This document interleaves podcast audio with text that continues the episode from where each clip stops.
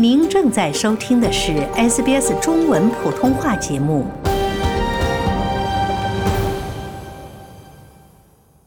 各位听众好，欢迎收听我们的故事。在澳洲这块文化多元的土地上呀，您总能听到一些看似平平常常、细细品味却越发感人的故事。我们今天的主人公呢，叫做 Christina 和梦瑶。刚到澳洲时呢，他认识了邻家八十多岁的澳洲老人 Ian Jones。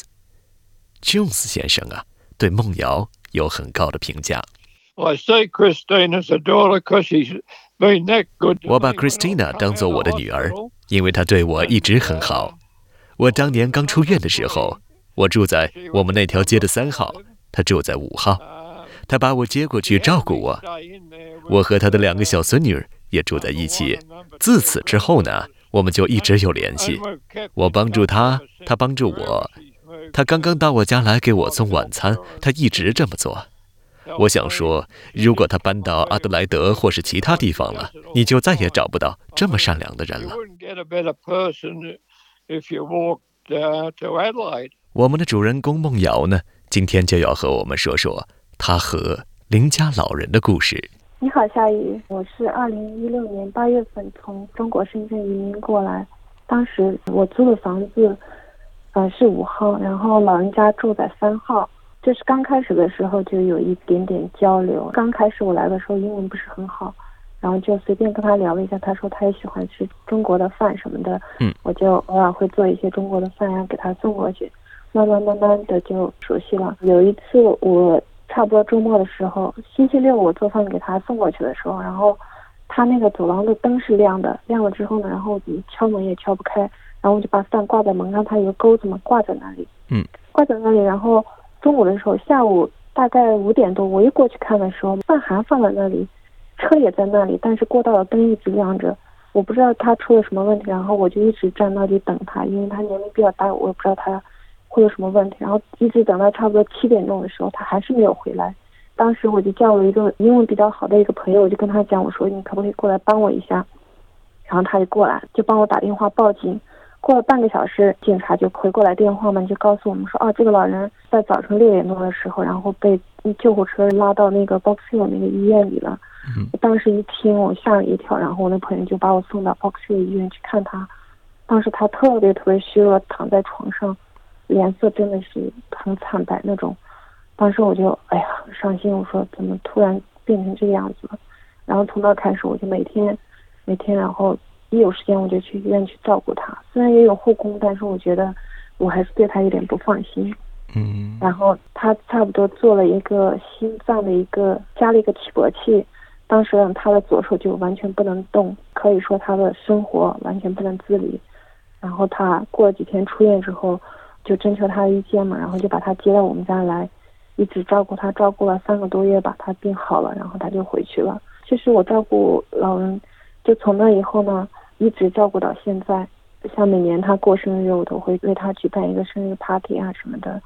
其实我照顾老人的初衷呢，就是因为我父母就是去世比较早，然后对于我来说打击很大。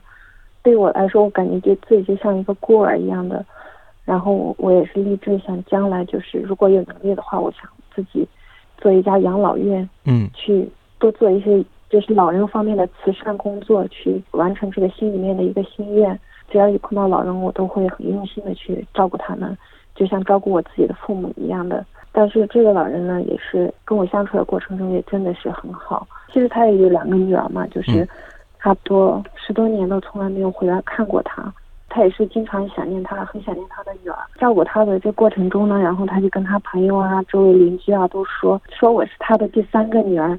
所以我也是一直叫他呆比，这样就像一个父女之间的关系。然后我的两个女儿也特别喜欢老爷爷，每次送饭或者是周末的时候，都带着两个孩子去看爷爷。我想问您一下，就是说，我们知道这个老人是叫 Ian Jones，现在已经快。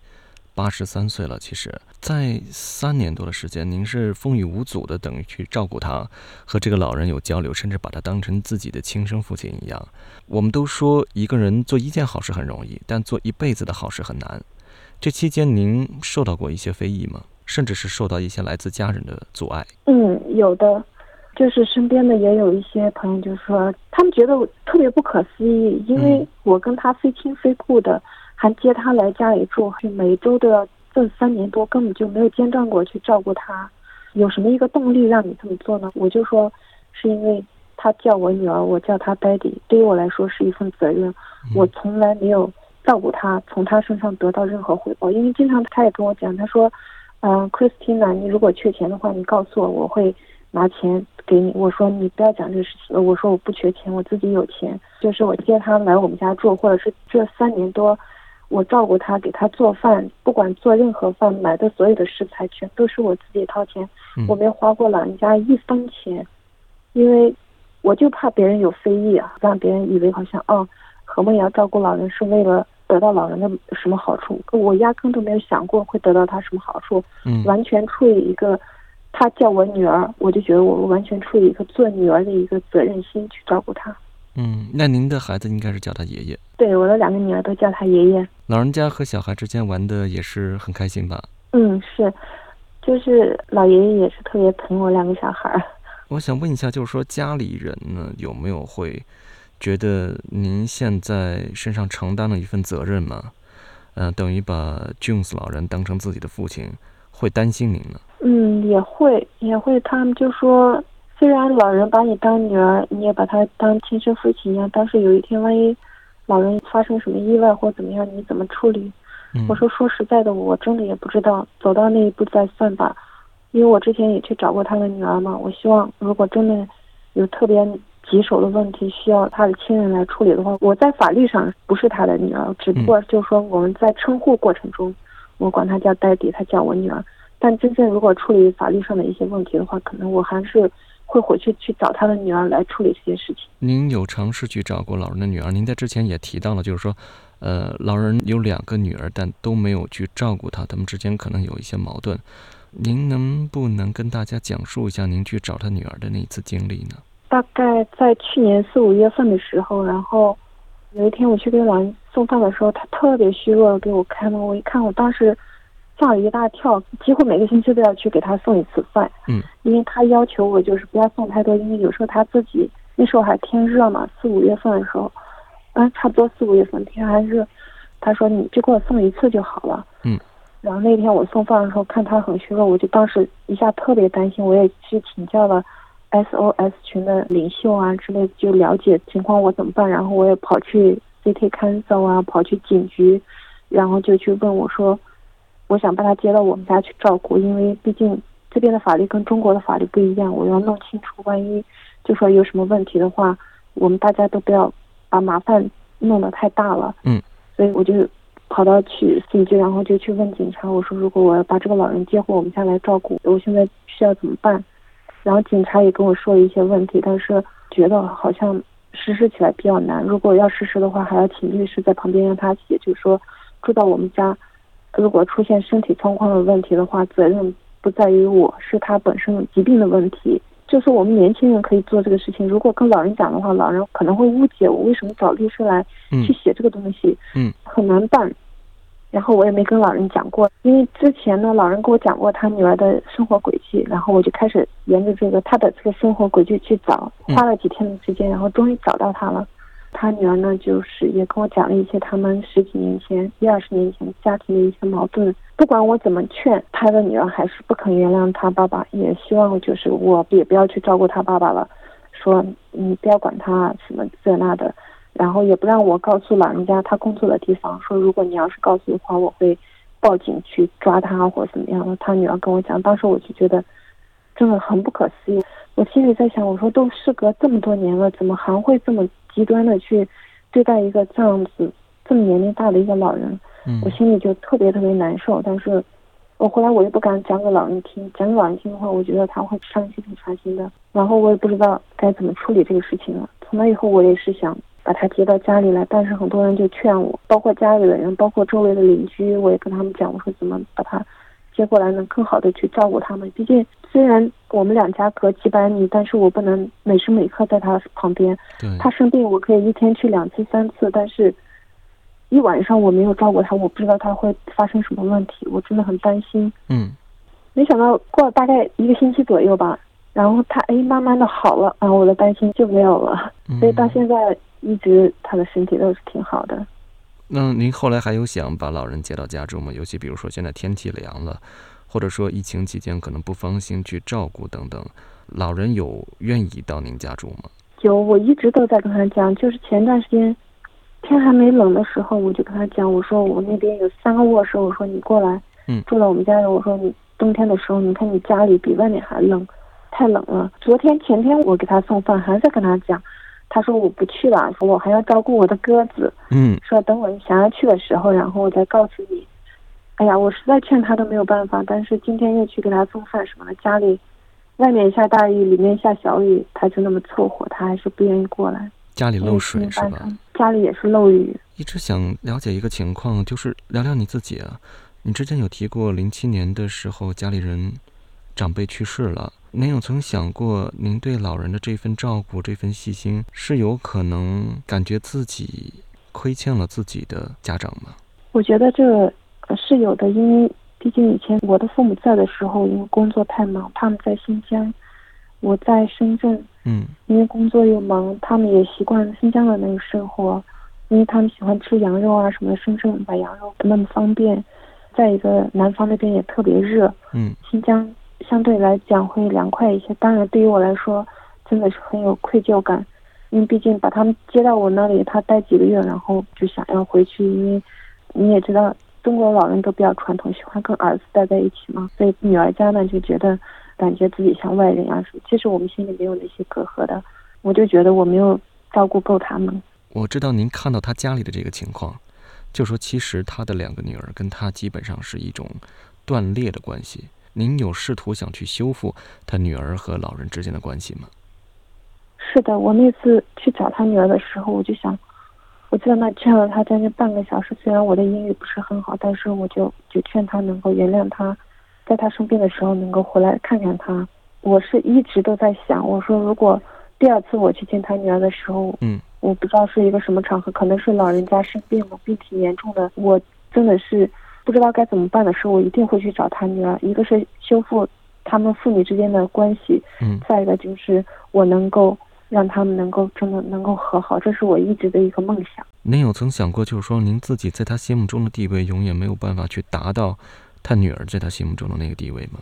如果这一天到来的时候，您会感觉到有一些失落吗？我不会，我觉得如果他的女儿能回来看老人家，能照顾他，对于我来说真的是一个非常非常高兴的事情。我觉得虽然跟老人家像父女一样的，但是我在他的心里可能还是，因为毕竟不是亲生的嘛，嗯嗯我们大家都可以理解这层关系，对吧？嗯不是亲生的跟亲生的完全不一样，因为以前他经常跟我讲他的女儿就是打网球的时候有多少荣誉啊，家里很多那个奖杯、照片什么的，可以从他的眼神里面看出来，他也是非常爱他的两个女儿，不会失落的。我真的希望他的女儿能跟他和好，能多多的来看他，嗯然后我也能跟他们姐妹相称，嗯，这是我最期待的事情。在这样的一个相处过程中，帮助别人的人一般也会从被帮助者那边感受到一些温暖，感受到自己的需要。您有感受到老人出现在您生活之后，您的生活发生了改变？您有这样的感觉吗？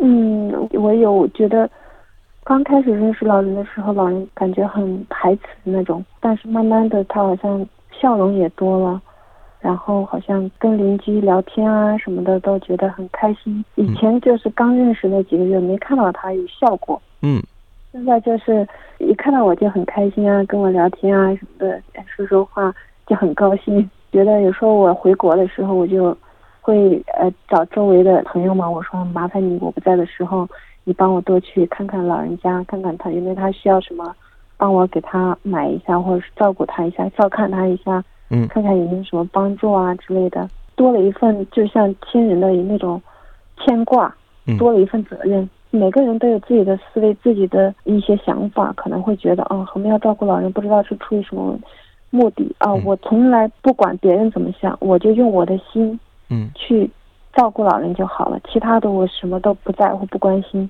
任何亲人之间都会有一些矛盾，您跟老人也会产生一些矛盾吗？我觉得有时候他有点生气或不高兴呢，我就会逗他笑一下，我不会放在心上。老人和小孩不能跟他们去过多的计较，因为老人就像小孩一样，有时候撒撒娇、发发脾气，我觉得这很正常的。你笑一笑，或者是开个玩笑或怎么样的就过了，他也开心了，我也开心了。从前几个月就说让他搬到我们家来住，嗯。然后他就总是不肯，我就心里面在想，哎呀，我老是为你好，你怎么就不理解我呢？你这房子又下雨，冬天又冷，嗯，老是关心你，你怎么不知道我在关心你啊？你非要住在这个这么冷的房子，嗯，心里面也会有点不舒服，也会不舒服。Well, the reason is I'm settled here. I've been here fifty-five. 我在这里已经待了五十五年了，我有很多鸽子需要去照顾。我现在的主业就是养鸽子。他要接我走，他就得在他家建个鸽子巢。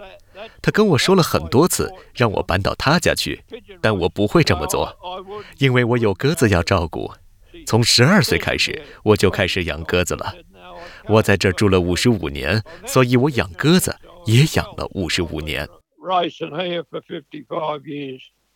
所以最后我想，哎呀，他不来，他是老人，他可能就对他那个地方怀旧嘛，嗯，不想去别的地方，嗯，那就随他吧，反正我多去看看他就好了。最后自己还是把自己说通了。对，我只能说服我自己。